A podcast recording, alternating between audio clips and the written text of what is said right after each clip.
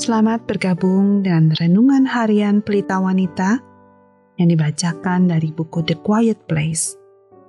Pembacaan Alkitab hari ini diambil dari Yohanes 12 ayat 1 sampai 8. Enam hari sebelum Paskah Yesus datang ke Betania, tempat tinggal Lazarus yang dibangkitkan Yesus dari antara orang mati.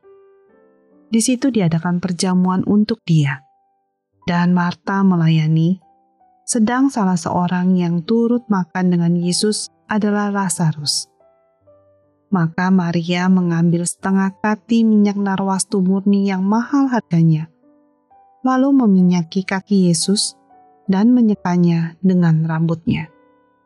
Dan bau minyak semerbak di seluruh rumah itu. Tetapi Yudas Iskariot, seorang dari murid-murid Yesus yang akan segera menyerahkan dia berkata, Mengapa minyak narwastu itu tidak dijual 300 dinar dan uangnya diberikan kepada orang-orang miskin? Hal itu dikatakannya bukan karena ia memperhatikan nasib orang-orang miskin, melainkan karena ia adalah seorang pencuri. Ia sering mengambil uang yang disimpan dalam kas yang dipegangnya. Maka kata Yesus, biarkanlah dia melakukan hal itu mengingat hari penguburanku.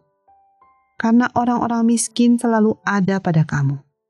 Tetapi aku tidak akan selalu ada pada kamu. Ayat kunci hari ini adalah dari Yohanes 12 ayat 3. Maka Maria mengambil setengah kati minyak narwastu murni yang mahal harganya lalu meminyaki kaki Yesus dan menyekanya dengan rambutnya. Respon yang memuji Maria dari Betania adalah orang yang duduk dekat kaki Tuhan dan terus mendengar perkataannya. Tetapi ia tidak puas hanya dengan menerima dari Yesus ketika ia mendengarkan isi hatinya. Ia rindu untuk menanggapi, untuk mengembalikan kepadanya seperti yang telah dia berikan kepadanya. Faktanya, tiga kitab Injil mencatat tampilan pengabdiannya yang menyentuh hati pada suatu perjamuan malam yang disiapkan untuk kemuliaannya. Jadi selalu demikian halnya bahwa penyembahan mengalir keluar dari hati yang telah menerima dan mengalami anugerahnya.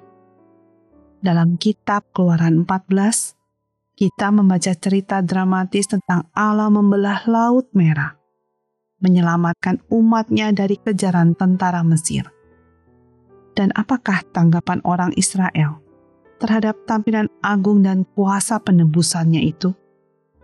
Mereka terpukau lalu menyanyi serta meninggikan Tuhan.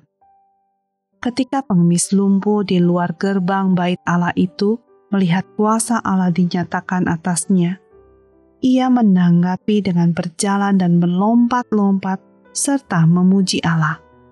Kisah para Rasul 3 ayat 8 Ketika Yesus memberikan kesembuhan kepada sepuluh orang kusta, seorang dari mereka ketika melihat bahwa ia telah sembuh, kembali sambil memuliakan Allah dengan suara nyaring.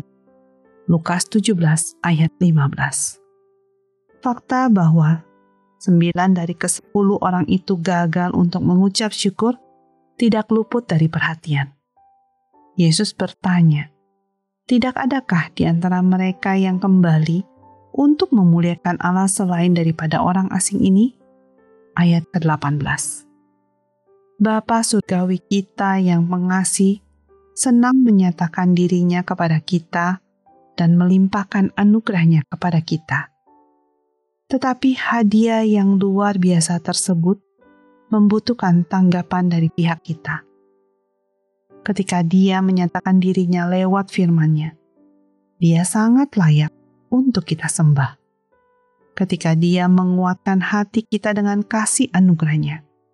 Kita berhutang penyembahan kepadanya.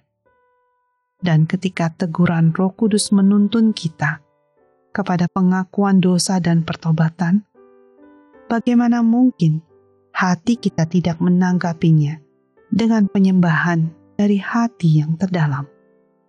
Sebagai penutup, mari kita renungkan pertanyaan ini.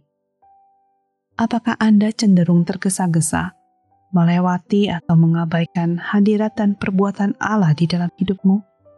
Janganlah lupa untuk mengembalikan kepada Kristus penyembahan yang menjadi haknya atas anugerah melimpah yang telah diberikannya kepada kita.